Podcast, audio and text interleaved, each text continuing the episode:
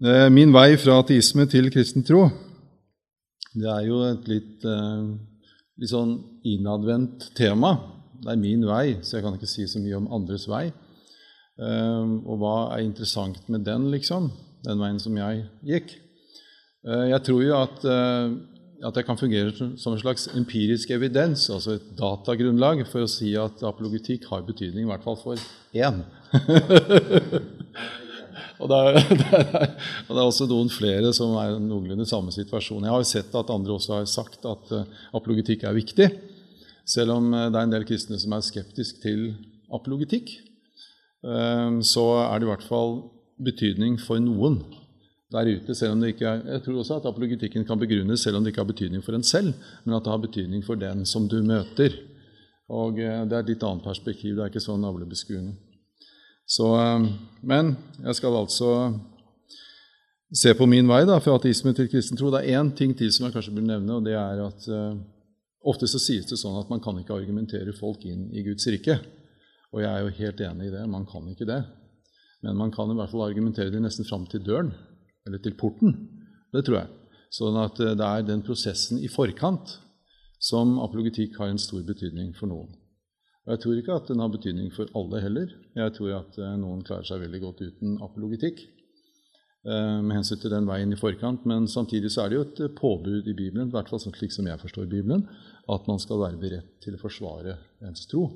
Så der ligger det faktisk et uh, intensiv for å være opptatt av disse spørsmålene, sånn at man kan si noe i forhold til de menneskene man møter. For eh, apologetikk er ikke bare et forsvar, men også faktisk en sjelesørgerisk hjelp i den kunnskapen man får ut av apologetikken. Både for en selv, hvis man er opptatt av spørsmål, man kanskje sliter litt med tvil, men også i forhold til de samtalene man har med andre. Men selvfølgelig også et forsvar mot aggressive ateister og en del sånne ting, sånn at vi kan stå fram som kristne offentlig med på en måte ryggen rettet, og at dette er faktisk noe vi kan forsvare rasjonelt. Og det syns jeg er veldig viktig som filosof, at dette kan forsvares rasjonelt. Så det, det, har vært viktig for meg hele tiden, og det var viktig for meg før jeg ble kristen også. Så Derfor så er apologetikk og filosofi veldig viktig, eller var veldig viktig for meg da også. Eh, veien fram, for Hvis jeg fant ut at dette med kristen tro, eller gudstro generelt, ikke kunne forsvares, eller at det var ufornuftig, så, så, var det en fordom hos meg at det var veldig vanskelig for å, å bevege meg i den retten overhodet. Så det var helt utelukket for meg. Ja, Det blir jo litt personlig, dette her. Eh, jeg er ikke så sikker på hvor mye jeg skal si om disse tingene. En del av disse er jo veldig personlig, eh, privat. Og eh, jeg har ikke snakket så mye om det i noen sammenheng, egentlig. Jeg har nevnt at jeg hadde noen sterke opplevelser underveis også. Men jeg er ikke en sånn person som syns at disse opplevelsene er så viktige for andre. Men selv om de var veldig viktige for meg da de skjedde. Så jeg er ingen den klassiske karikaturen av en karismatiker er jeg ikke. Jeg fant meg aldri hjemme i en sånn sammenheng. Men mange av de opplevelsene som jeg hører andre snakke om, det, det var vel antagelig det jeg også hadde. Tusen takk. Og som jeg fortsatt har. Men jeg tror at den, eh, de opplevelsene jeg skal si litt om, eh, Eh, det er mer ut ifra ens behov. Jeg tror at når Den hellige ånd virker på den måten der, så tror jeg heller at det er eh, noen trenger intravenøst, så, så å si. At, at, andre klarer å få dette gjennom en vanlig vekst, mens noen står litt langt tilbake og er ganske skrøpelige. Så jeg ser meg selv på den måten. Da. Noen trenger intravenøst, jeg tilhørte den gruppen der. da. Så men det er ikke sånn at jeg higer etter opplevelsene. opplevelsen. Jeg syns det er liksom det viktigste av alt. Ikke i det hele tatt. Så jeg toner det veldig ned. Men jeg må jo nevne det, for det er en del av bildet hvis jeg nå skal redegjøre fra min vei fra ateisme til kristen tro. Ja. Eh, jeg kan jo starte med ateisme, da. Eh, jeg har jo ikke vokst opp i et kristent miljø hvor bønn, kirkeliv og sånn var en del i det hele tatt. Det var ikke noe negativt til kristen tro, men en sånn vanlig respekt for kirke og kristen tro. Det var greit, liksom. Men det var ikke noe tema hjemme hos meg i det hele tatt. Ehm, jeg var på søndagsskolen et par-tre ganger, som jeg kan huske. Det var fordi at, at, eh, Jeg tror moren min sa at det var greit at vi gikk dit. Så, jeg og søsteren min gikk dit, men det var bare tre ganger. Så jeg husker godt at jeg var der. Fikk stjerner, da. Det var det viktigste. så, eh, men i en alder av tolv år så var jeg åpent eh, med dette at jeg var ateist og ikke trodde at det fantes noen Gud. Og jeg hadde liksom min forklaring på hvorfor folk trodde på Gud. De var svake, de taklet ikke livet. Så det var en psykologisk forklaring jeg ga på det. Det var eh, også en eh, forklaring andre også ga, som da ikke trodde. Men selv om det ikke var så mye av kristen tro i familiens nære del, så hadde jeg en grandonkel som var kristen. Og det hørte jeg da at han var. Så eh, han hadde en stor hage på Bestum i Oslo, og jeg fikk i oppgave å klippe den plenen og skifte noen takstein på villaen hans. Så, men han, han, snakket ikke så veldig, Jeg visste at han var kristen, han snakket ikke så veldig mye om det. Jeg husker når vi satt og spiste frokost, så, så ba han en bønn. Men uh, sa ikke at jeg skulle folde hendene. eller sånn. Jeg syntes det var litt sånn, litt sånn beklemt, det hele. Men uh, det var nå sånn. Uh, han fikk ikke så veldig stor betydning for meg med hensyn til kristen tro der og da, men etter sin død så fikk han det. Så jeg skal fortelle hvordan det henger sammen. Det høres mystisk ut, men det er ikke så mystisk. Så, men jeg skal si litt om det. Han dør jo som alle andre, og, øh, og ikke sant, vi arver, og øh, vi fordeler arvegodset. Skal vi overta til huset? Skal vi bo der? Nei, vi bor bra nok som vi gjør. Så det ble solgt, og en del eiendeler og en del eiendeler ble plukket ut av meg. da Jeg skal komme tilbake til det. Hvordan er det slekten min er? Jeg har både norsk og nederlandsk slekt. altså Min far er nederlender, min mor er norsk. Eh, de er begge døde nå. Men eh, hvis du tenker sånn kristendom i familien, så på morssiden så er det sånn par hundre år tilbake så var det visst noen prester i familien. Så det er kanskje det eneste jeg kan liksom peke på der. Eh, når det gjelder min far, så er det ingen, eh, ikke noe kristentro som jeg kan spore opp, i hvert fall, men eh, der er de ingeniører og, og bønder, det meste, min nederlandske slekt. Så det er, det er, ikke noe å hente egentlig der heller, men det sier noe om bakgrunnen av den tradisjonen vi hadde i familien. I tenårene så blir altså min onkel dør etter at de voksne har fordelt alle eiendelene, så får jeg og mine to søstre liksom plukke ut noen ting som vi var interessert i. Og vi gikk jo på dette store bordet i stuen der, og eh, jeg plukket ut et eh, teknisk instrument, for jeg var opptatt av kjemi. Og, og hadde et laboratorium i kjelleren, og sånn, så jeg var veldig opptatt av naturvitenskap. Så jeg fant et instrument der. Så det ville jeg i hvert fall ha. Og så tok jeg ut et par bøker eh, som det sto Pascal på. Og grunnen til at jeg tok det, den boken her, Jeg kjente ikke til hvem Blaise Pascal var, i det hele tatt, men jeg hadde fulgt en fransk eh, barneserie da jeg var liten, som jeg likte veldig godt, og hovedpersonen der heter Pascal. så, det, så det, var, det var assosiasjonen jeg fikk. Jeg jo det, vil jeg ta. ikke sant? Ja, ja. Så jeg tok to bøker uh, av Pascal. Uh, når jeg kom hjem, så satte jeg bare de i hyllen og uh, leste ikke noe mer i det. Så der ble de stående. Men etter hvert som man eh, vokser til og kommer i tenårene og stiller de mer eksistensielle spørsmålene, så dukker jo dette spørsmålet opp med meningen med livet. Eh, hvor er det alt kommer fra? Jeg var veldig opptatt av astronomi også. Så hvor i all verden kom dette universet fra? Det var en del sånne ting. Og jeg eh, følte vel etterpå, eller etter en stund at den ateismen jeg hadde adoptert så omfavnende, den var litt vanskelig å opprettholde hvis jeg skulle svare på disse spørsmålene. Jeg har merket et underskudd eh, i utgangspunktet som er vanskelig å ha med seg når man skal besvare slike spørsmål. Hva er meningen med livet? Hva er meningen med døden? Kan man besvare det på en tilfredsstillende måte, eksistensielt sett, eh, ut ifra et ateistisk standpunkt? Og jeg fant at det var veldig vanskelig. Eh, jeg hører jo at folk snakker om døden og meningen med livet på intervjuer i radioen. Jeg husker et intervju med en humanetiker, sympatisk kar. Han var en såkalt gravsanger, vi kaller det det. Eh, han snakket om døden. Eh, jeg tenkte ja, ja, greit nok det, men det hørtes ut som han hadde jobbet lenge med dette for å liksom gjøre at dette var helt vanlig, og det var positivt å dø og bli borte. Men altså, det var totalt fremmede tanker for meg når jeg var tenåring og stilte disse spørsmålene. Hvor i all verden skulle det være fortrøstningsfullt? At man skulle bare bli borte? Det var greit nok, da var det i hvert fall ikke noe negativt, men det var ingenting. Og det var liksom over. Og hva var meningen med resten da? Så det var et fullstendig utilfredsstillende svar. Og det var egentlig det svaret man kommer til når man er ateist, da, for meg. Og jeg kjente jo på disse tingene i tenårene, men jeg kunne ikke slå meg til ro med det svaret der. Det var tynt. Veldig tynt. Og eh, Så mening ble forsvant plutselig. Og eh, hvor kom universet fra? Jeg kjente nok til eh, solsystemet osv. Og, så videre, og så dette hang bare ikke sammen for meg. Så jeg begynte å lese filosofi og eh, var opptatt av disse tingene. Jeg leste Nietzsche, som ikke var noe sånn kristelig vennlig filosof i det hele tatt. Men jeg var nå opptatt av Nietzsche. Men jeg tok også ut disse to bøkene som jeg hadde arvet fra min onkel. Eh, jeg begynte å lese, og jeg ble veldig grepet av, av eh, Pascal. Og det var vel stort sett bare Pascal som fungerte i hodet på meg i hvert fall i flere uker framover etter at jeg tok ut boken. Uh, dette var en naturviter, naturviter ikke sant? En av de fremste på 1600-tallet. Matematiker. Alt det som jeg liksom satte stort, satte høyt stor pris på. Og, og dette var en kristen mann.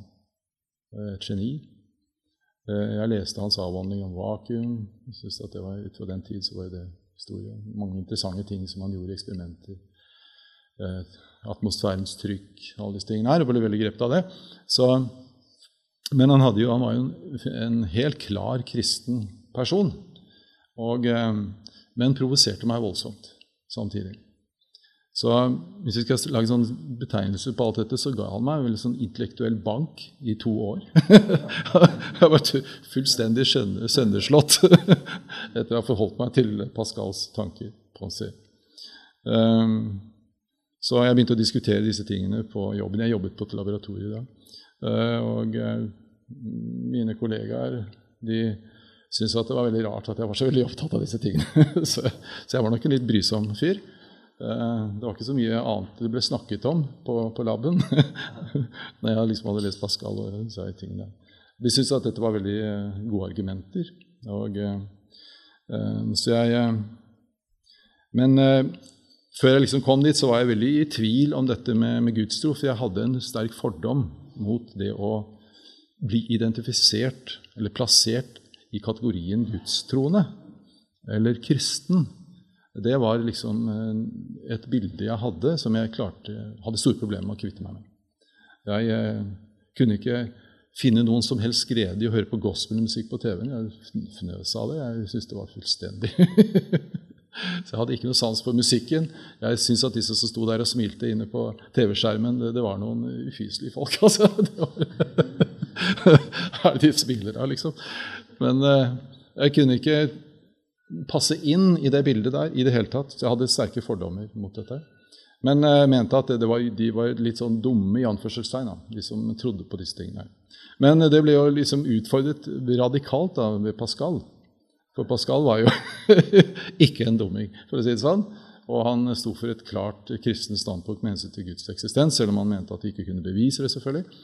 Um, så hørte jeg et intervju på TV-en. Det var en naturviter som faktisk eh, eh, sa at han var kristen. Og eh, på det punktet Jeg vet ikke akkurat hvorfor det, men på det punktet der så, så sa jeg det, det er jammen sant, dette her. Det er sant. Og det, i det øyeblikket der så, så, så, skjedde det ganske merkelige ting med meg. Det, det var, det var en egentlig ganske redselsfull opplevelse, men det høres litt rart ut. Jeg trodde at jeg skulle dø, faktisk. Det var så sterkt som det. Så jeg, jeg hadde jeg ikke sittet, så hadde jeg gått i gulvet. Men uh, jeg gikk skjelvende ut i stuen, husker jeg, så ba jeg en bønn. Den første bønnen jeg ba, som, uh, med mening. Og jeg sa du må være tålmodig med meg. Jeg visste hvem som hadde henvendt seg, men det var ikke behagelig. Ikke i det hele tatt. Det var ikke behagelig. Og, uh, men jeg visste hvem det var. Så det var den første. Men etter det så, så begynte tingene å komme på plass. Men jeg klarte ikke å bli kristen, liksom. Jeg klarte ikke å bli den kristne som jeg burde bli. For jeg, jeg leste Pascal, hvordan han levde livet. ikke sant? Jeg hadde det som et slags forbilde. Det var eneste, Jeg hadde ikke noe kontakt med noen kristne. Jeg hadde ikke noe kontakt med noen menighet i det hele tatt. Eh, så alt dette skjedde jo helt på utsiden av det kristne miljøet. Jeg hadde ingen eh, som jeg kunne liksom søke veiledning hos. Etter hvert så oppdaget jeg at det var en pinsevenn på, på laben. Ikke på, på den avdelingen jeg jobber, på en annen avdeling. Så han oppdaget at jeg begynte å snakke så mye om Pascal og Gud, og sånn, så han tok kontakt med meg. da. Men det var jo først etterpå. Men jeg fant meg ikke hjemme. Han ba meg til menigheten. Han var en pinsevenn. Og, og, men jeg fant at jeg ikke hørte til der. Så det, det var liksom ikke aktuelt for meg. Men etter hvert så følte jeg at, at, jeg måtte nok gå i kloster. Så, jeg, så jeg var, det var den eneste løsningen. Jeg klarte ikke, klarte ikke, å bli god i det hele tatt. Så jeg, sånn som jeg tolker det i dag, så denne første opplevelsen var egentlig en dom over livet mitt. Jeg følte at, at den jeg møtte, var den hellige. Og jeg følte meg så uverdig, så jeg visste ikke hvordan jeg skulle få dette til. Og leste om Frans av Assisi. Jeg tenkte fransiskaner må jeg. Da gir du avkall på alt. Og gå helt inn for dette som du nå har opplevd. Du må ta konsekvensen av det. Jeg, snakket, jeg gikk jo til presten i menigheten for første gang. Jeg lurte på ja, 'Har du kommet med i gospelgruppen?' sa han. Nei, jeg har ikke det, sa jeg. Ikke det. Ikke det. Uh, ja, men hvordan har du liksom kommet til, dette standpunktet å bli kristen? og sånn? Nei, det er, så jeg sa at jeg har lest sånn og sånn, så han syntes det var litt rart. Det var veldig uvanlig, sa han, for de fleste pleier å komme med i, i sangkoret vårt. Og så kommer de med i, i, i menigheten.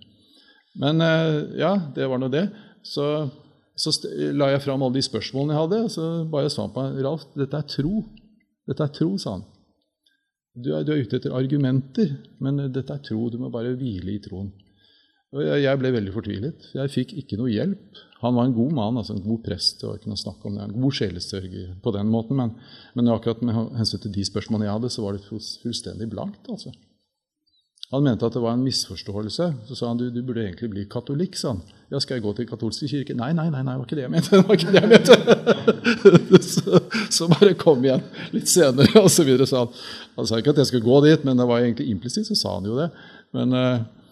Men eh, Jeg begynte å tenke over det, men jeg klarte ikke å slå meg til ro med det. Det må da finnes noen argumenter her som jeg kan støtte meg på i tillegg. Ikke det at jeg trengte det for å, å, eh, å bevare troen. Jeg tror ikke det. For det, den opplevelsen jeg hadde, var liksom det punktet jeg hadde, den intravenøsen der. Den, den, eh, jeg var ikke i tvil om at Gud eksisterte. Men, men jeg måtte komme til rette med alle disse tingene, og den veien jeg kunne gå, det var ved hjelp av argumentasjon og avklaring. Så jeg Fikk ikke så mye hjelp der, men jeg tenkte det at vel, det var denne menigheten, det var den presten, og eh, det får bare være som det er. Men jeg begynte å gå til nattverd og sånt. da. Så jeg var jo der. Eh, men jeg eh, følte at det var ikke noen, noe miljø for meg der. Og jeg tror ikke det var noe miljø for meg i hele Norge, egentlig. På den, på den tiden. Jeg tror ikke det. Jeg, jeg, spurte, jeg gikk på bibelskole også, i Bergen, husker jeg. Jeg spurte om det var noen som var opptatt av det. Nei, det er veldig få som er opptatt av sånne argumenter. Så nei, dette er tro. Fikk det samme svaret der. Så jeg ser jo det i dag, at den store forandringen som har skjedd nå i kristne miljøer, at apologetikken er kommet inn, det er fantastisk og flott. Ehm, fordi jeg trengte apologetikken både i forkant og under etter den omvendelsen som jeg har sagt om.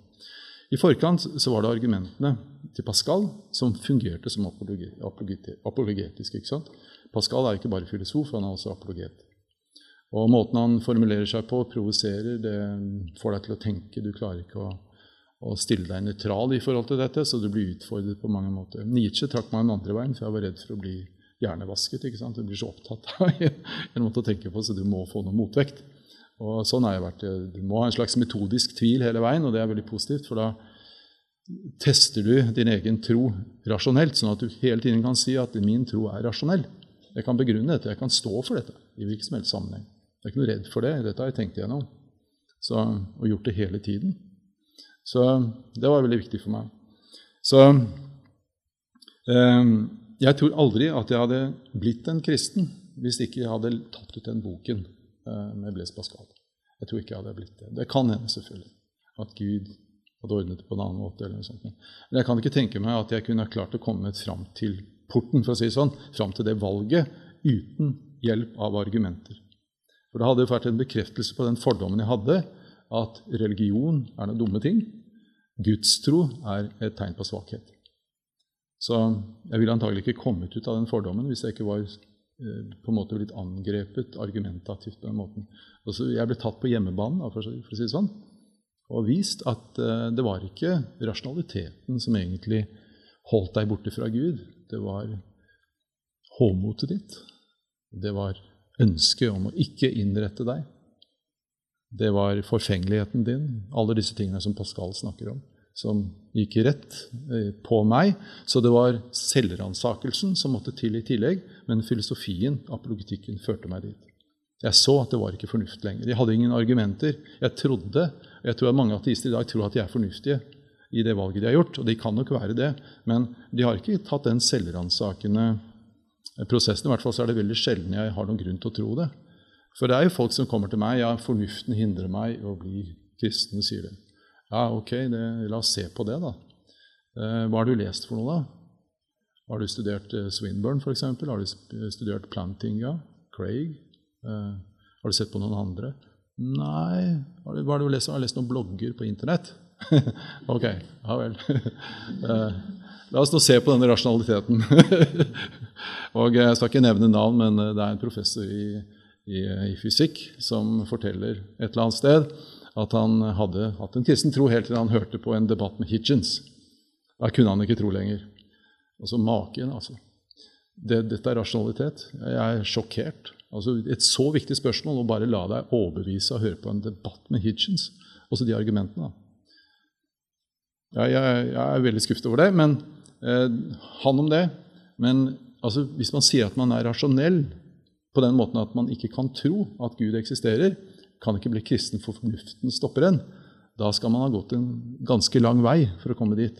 Jeg kan ikke ha respekt for folk som ikke kjenner til de tre viktige kristne filosofene og sier at de er rasjonelle. Da må du gjøre undersøkelser. Du kan ikke ta det der for gitt. Det er altfor lettvint. Så For meg så tok det to år, og, og, det var slitsomt. Men eh, jeg kom altså fram til eh, denne troen. Men da kan man tenke seg så, ja, da har du vel funnet svaret. og Da er det stopp med filosofi og apologitikk.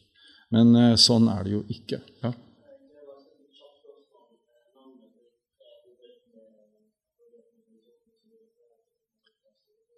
Ja. Det, jeg kaller de de tre musketerer, så den fjerde er antagelig deg. da, for der kommer Ikke sant? Så du kan tenke sånn uh, Det første er Plantinga. Alvin Plantinga.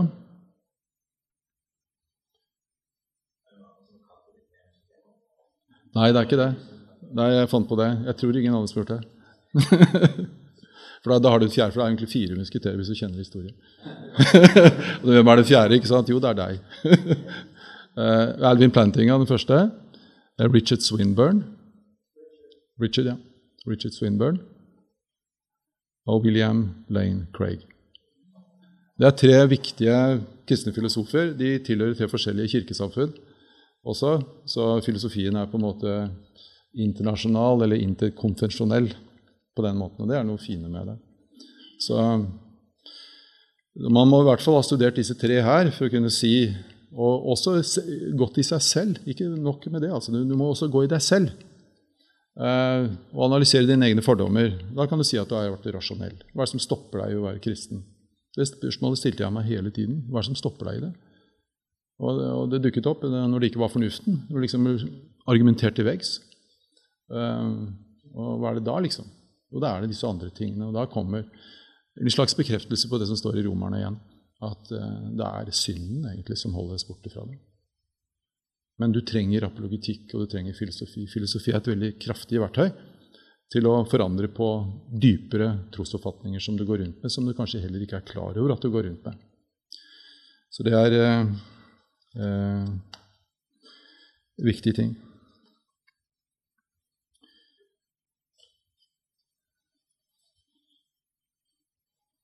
Jeg vet ikke hvordan vi ligger an med tiden nå. Det er fem på to, så jeg kan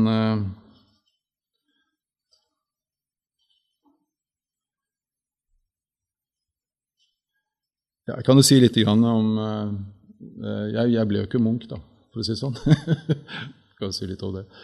Eh, men jeg fikk en annen opplevelse som var mye mer kjærlighetsfullt etterpå. Litt senere. Så det på en måte fikk du både dommen og, og nåden da, i de to opplevelsene. Fordi at jeg hadde så lite skolering, ikke sant? så noen måtte jeg få. jeg hadde ikke noe kontakt med kristne på den tiden. Så, så det, det, ble begge deler på den måten. Men jeg kunne ikke forstå at kristne ikke visste hva de trodde på, når jeg begynte å snakke med dem. De visste jo omtrent ingenting. Jeg var så skuffet over det også. Jeg tror at det er mange ateister eller de som ble omvendt til kristen tro, har et behov for å klargjøre sin egen tro. Men så er det altså ingen rundt deg som kan fortelle dem om det. Kanskje heller ikke presten. Bortsett fra de vanlige tingene, da, selvfølgelig, det kjenner du jo til. Men, men, argumentene, hvor er de grunnene, rasjonaliteten i dette, det, det, var veldig vanskelig å, å forholde seg til. Så, men jeg ble altså ikke, ikke munk. Jeg skjønte etter hvert at det var, det var nåde i dette, men det var ikke noe slutten på tankelivet av den grunn. Så Etterpå så dukker det opp nye spørsmål, så jeg er helt enig med Augustin, som sier at filosofien forbereder deg Eh, og det er intellektets og viljens overgivelse som omvendelsen består i. Og så er det ettertenkning etterpå. Så filosofien blir ikke borte. Jeg bruker fortsatt, jeg har filosof, vært filosof fra før og etter. og er det fortsatt og kommer til å være det til jeg dør. Kanskje etter det. Jeg vet ikke hvordan det er der, men jeg håper det. så vi får se hvordan det blir. Men så jeg, jeg tenkte at hvorfor studerer ikke alle kristne teologi? Det, det, det stilte jeg faktisk med fullt alvor. Hvorfor, hvordan kan noen være kristne uten å studere teologi? Da tenkte jeg på full studium. altså. Så jeg gjorde det. For jeg måtte finne ut hva dette her jeg hadde kommet borti. Jeg måtte det, så jeg studerte teologi. Så, og, og, filosofi samtidig. da. Så det ble jo to embetseksamener ut av det. Tok doktorgrad på. Så det var veldig fint. Veldig bra. Ja, jeg tror jeg stopper der, jeg. Så kan jeg Spørsmål? Takk for det.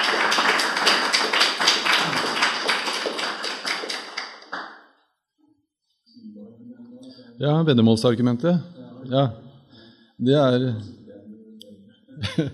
det er, det er et viktig argument. Og, og, Pascal er jo negativ til disse tradisjonelle gudsbevisene eller argumentene for Guds eksistens. Så han mente at eh, fornuften kan ikke bevise verken det ene eller andre. Dermed Dermed er det en slags nullstilling i forhold til det. da. Men eh, Pascal utviklet jo sannsynlighetsteorien eh, sammen med Fermat. Og eh, han bruker eh, denne beregningen i en slags beslutningsteoretisk diagram. Og Han sier at når sannsynligheten er sånn og sånn, så, så, kan du velge det ene eller det andre. Men hva kan du vinne? Så verdiene kommer inn der. Så hvis det er lik sannsynlighet, 0,5 i begge retninger, så bør du velge det du har størst. Du skal maksimere forventet verdi. da. Og siden du har evigheten å vinne ved å satse på at Gud er til, og eh, ingenting å tape da, hvis du, hvis du eh, velger det andre og, og, det ikke er noen ting, så siden gevinsten er så mye større ved å velge at Gud er til, og satse på det, så bør du satse på det.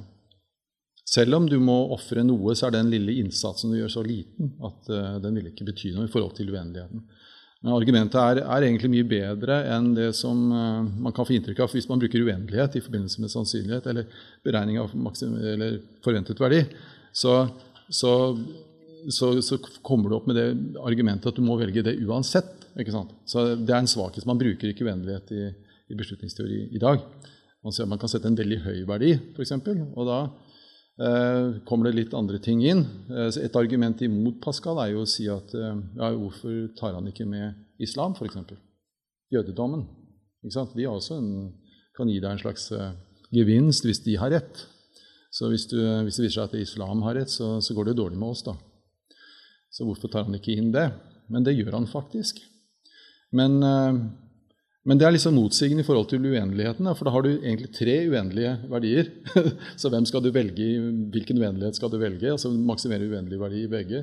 Får, men hvis du setter, setter, eh, en veldig høy verdi i forhold til hver av disse alternativene, så kan du beregne sannsynligheten. Hvor sannsynlig er det at kristendommen er sann? Hvor sannsynlig er det at islam er sann? Hvor sannsynlig er det at jødedommen er sann, hvis det er de tre du eh, beregner. Og Da kan du regne på dette, for da blir det ikke uendelig verdi på noen av de. Men sannsynligheten er størst tror jeg da, for at kristendommen er sann, enn noen av de andre. Så da kommer du ut eh, med det resultatet som Pascal ønsker. Så du er, du er jo sannsynligvis Er det riktig, det jeg sier?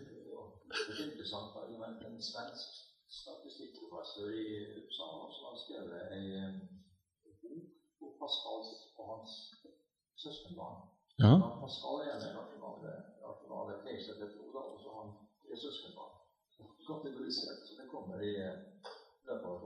Ja, så interessant. Jeg holder også på å skrive en bok om Pascal. Veldig fint. veldig fint, Det er jeg veldig interessert i.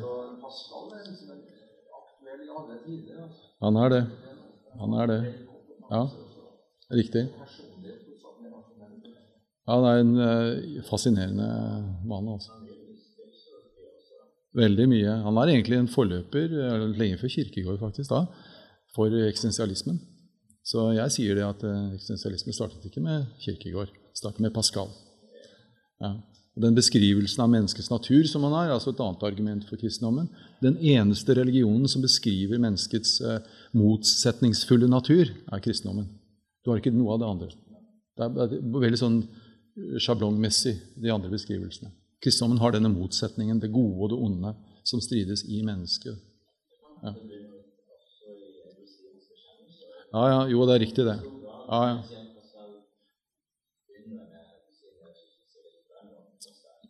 ja. Det, er, det er riktig. For uh, Pascal var jo veldig opptatt av Augustin også, så det henger litt sammen der. Ja. Du var inne på det litt når du snakker om rasjonalitet til ateisme. Eh, så jeg syns det er veldig få som tør å si det så sterkt som du sier. Men det du kunne si, er at eh, gitt Nei, jeg vil ikke trekke det så langt. For, um, for um, jeg kan si at det har vært irrasjonelt for meg å ikke tro etter de erfaringene. De er personlige, så jeg vil ikke si at de er argumenter som andre kan bruke. Men, um, men det er sånne personlige ting. Der så bruker jeg alltid det i en sånn filosofisk sammenheng. Men jeg kan si at det er rasjonelt for meg å tro. Men la oss se bort fra alle disse personlige erfaringene. For dere har også personlige erfaringer. Hvis dere lever med Gud, så dere leser Bibelen, dere ber. Det er den vanlige måten å få føde på. Jeg fikk bare intravenøst, ikke sant, som jeg sa. Den vanlige erfaringen den er mye viktigere. ikke sant? Den daglige erfaringen, omgangen med Gud, den er mye mer verdt, egentlig. Men noen trenger også litt sånn, sånn kickstarter. Dunk. Så jeg var av den typen. Men jeg vil ikke si at, at, alle ateister er irrasjonelle. Jeg sier at det er noen eh, ateister som er rasjonelle, ut ifra den evidensen de godkjenner. Men de gjør noen forutsetninger i, helt i bunn som du ikke kan argumentere særlig godt for. Og vi kristne gjør akkurat det samme. Men i utgangspunktet så har du noen valgmuligheter som du ikke helt kan si om det ene er mer rasjonelt enn det andre. Nat du må, du må ha en forutsetning. Eh, og en forutsetning som da må være Ja, kan, ja, ikke sant? Sånne ting. Så du gir litt ulike svar på det. Ateistene gir sine svar. Eh, teisten andre, sier andre svar. Men da blir spørsmålet hvilke grunner har du for å si det, eller si ja til det eller nei til det. Og Hvis du ser på den argumentasjonen der, så er den aldri avgjørende. Men ikke sant? det, har noe med, det ligger sammen med hva du kan ha tillit til, hva du egentlig veldig dype ting i deg selv da, som du ikke kan kanskje uttrykke helt klart, men som gjør at du velger det ene fremfor det andre. Helt grunnleggende ting. Eh, en ting som naturalister og som ateister veldig ofte også bekjenner seg til, er at alt som eksisterer, er naturen. Det er naturalismens grunntese. Hva slags argumentasjon kan man etablere for det? Alt som eksisterer, er naturen. Det er jo en påstand. Det er nesten en blind tro. Du kan ikke etablere noen avgjørende argumentasjon for det. Eh, jeg sier at det er ikke alt som eksisterer, er naturen, men naturen eksisterer. da. Hva slags argumentasjon kan jeg etablere for det? Jo, jeg kan etablere mange argumenter for Guds eksistens. Og hvis Gud eksisterer, så er det ikke bare naturen som eksisterer, f.eks.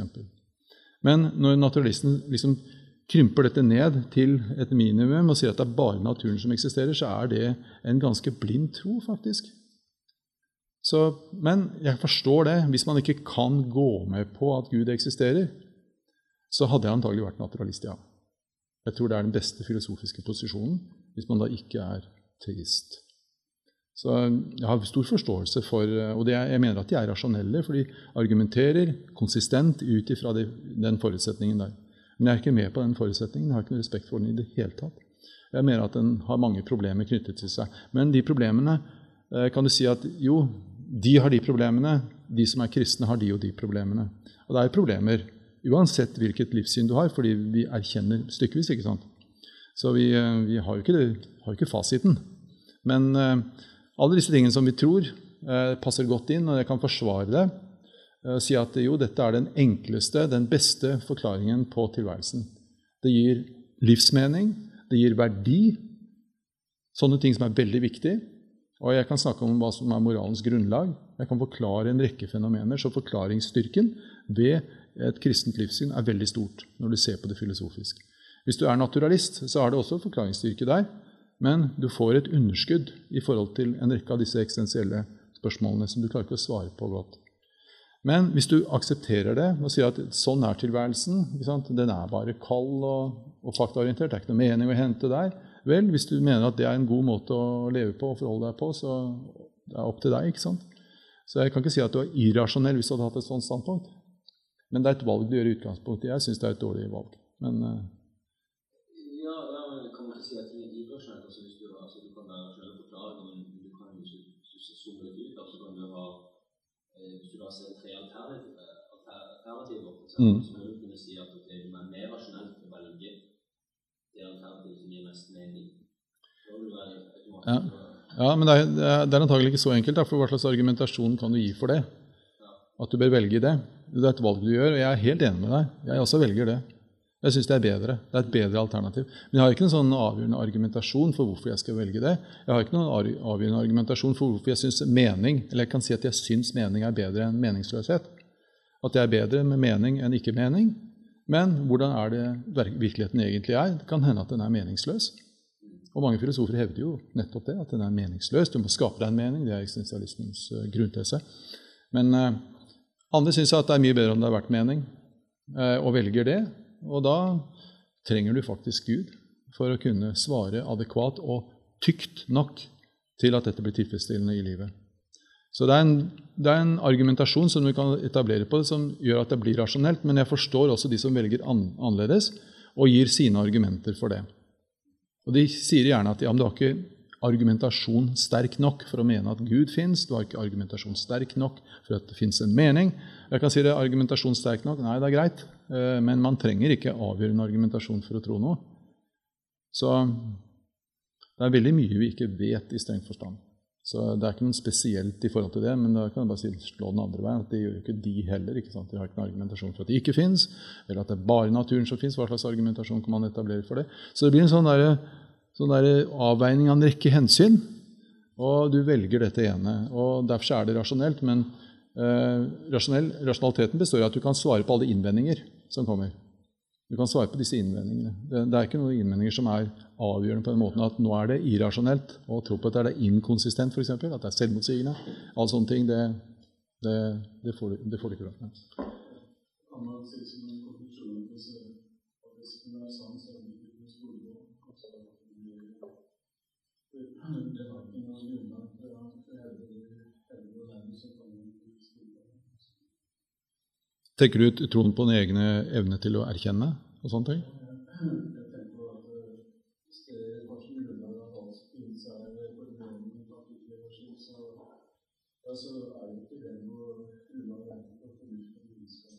Nei. Nei. Det gjelder i forhold til moralen også. Hvis du mener at noe er rett og galt, noe, noe er faktisk rett og galt, og hvis du mener at det er bare evolusjon som, som fungerer blindt, så jeg, jeg, jeg, er ikke noen motstander av evolusjonsteori, men uh, hvis du bare forholder deg til den og mener at det forklarer hele tilværelsen, alt det vi gjør, alt det vi mener, uh, så har du ikke noen grunn til å stole på, på dine kognitive evner. Det er et argument som planting blant annet, som jeg nevnte, og utviklet. Så jeg er helt enig i det. ja. For et lite supplement til det med ateistisk tenkning i forhold til det forklaringsdyktighet. Ja. Sikkert hørt det der noble lie. Ja. Altså at uh, samfunnet fungerer bedre med, med verdisett som er forklaringsstyrker, og den, den ateistiske tenkere som har sagt at ok, la oss adoptere da kristendom som en noble lie. Mm. Altså for det er mye praktisk, og ja. det har bærekraftig mm. historie. Det sitter jo langt man kan. ja, ikke sant. Det er, eh, det, er, det er, et godt poeng. Veldig godt poeng. Fint. det er en innrømmelse i det eh, som er enorm, egentlig. Til og med en ateist kan se det fruktbare i en gudstro. Så, men det er ikke alle ateister som ser det sånn. Da. Ja, ja, ikke sant? Ja, ikke sant? Det er et uh, pessimistisk syn på det. men, men, det er jo sånn som Dawkins og en del andre som mener at, at religionen er faktisk ond for samfunnet og for historien. Så at den bør fjernes. faktisk. Det er mye bedre uten religion. Så det er liksom andre ytterligheten. sånn. så, så er det litt vanskelig å opprettholde ja, riktig, Det stemmer ikke helt med historien. Så vi blir kjedelig. Riktig. Andre spørsmål?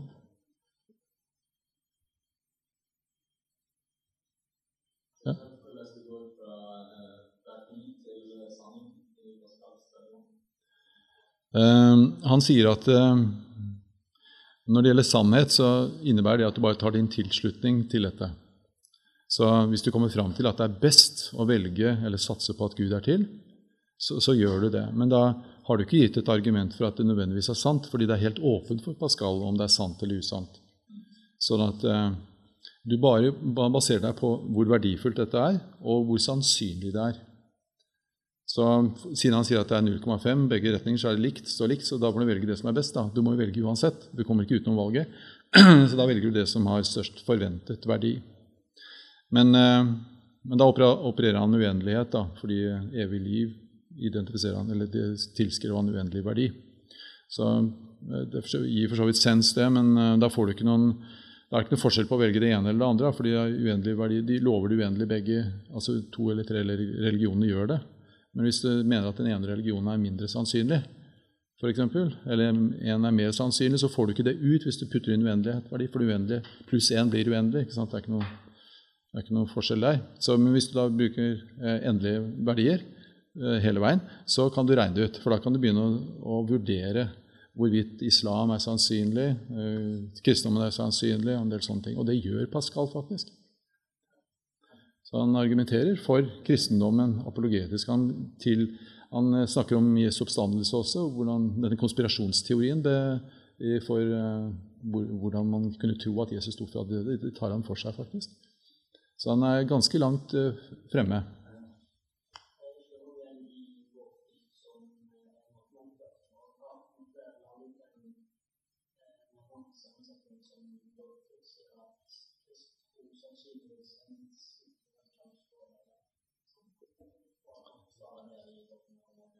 Ja, er det Godwin du tenker på? Ja. ja det er sånn, Man kommer til 97 Da er det veldig, det er veldig presist. Så jeg er litt skeptisk i forhold til det. Men uh, Swinburne som jeg nevnte i sted, han sier at det er mer sannsynlig at kristendommen eller at Gud er til, enn at ikke Gud er til. Da, da er han ikke så presis, men han sier at det er mer sannsynlig at, at Gud er til enn ikke til. Og det gir sens. Men da er det sånn relativt. Det er mer sannsynlig enn det, uten å tallfeste det direkte. Å ja, men det er Jesu oppstandelse vi snakker om. Ok, da er det, det er litt annerledes. Ja. Mm. Jeg snakket om eh, Godwin, jeg snakker om Guds eksistens. Så. Du tenker kanskje på Svindel, for han har også bygd et slags altså. ja, ja, ja, riktig. Mm. Da er det historisk, en historisk argumentasjon, og legger vekt på evidens osv. Men da er det litt mer forståelig. Helt enig. Mens andre igjen, sånn som Craig, argumenterer også for Jesu oppstandelse. Men da er det den beste forklaringen, altså en abduksjon. Man kaller det filosofi abduktiv argumentasjon. og Da er det den beste forklaringen på disse. Han ser på ulike teorier, ser hvordan det passer inn med historiske data, eh, tekstene osv., så, videre, så tekstgrunnlaget. Så det er en annen måte å argumentere på. Ikke, da får du ikke ut et tall, men eh, i hvert fall dette den beste forklaringen på de historiske fakta vi har. Og det, det er litt enklere argumentasjon, og kanskje litt enklere å gripe sånn umiddelbart. Da.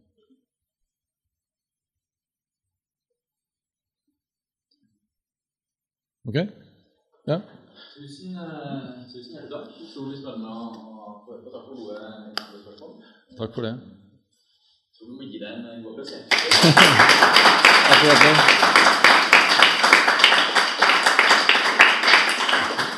Veldig hyggelig. Ja. Du ikke spille i gang med filosofikafé i Kristiansand igjen, da?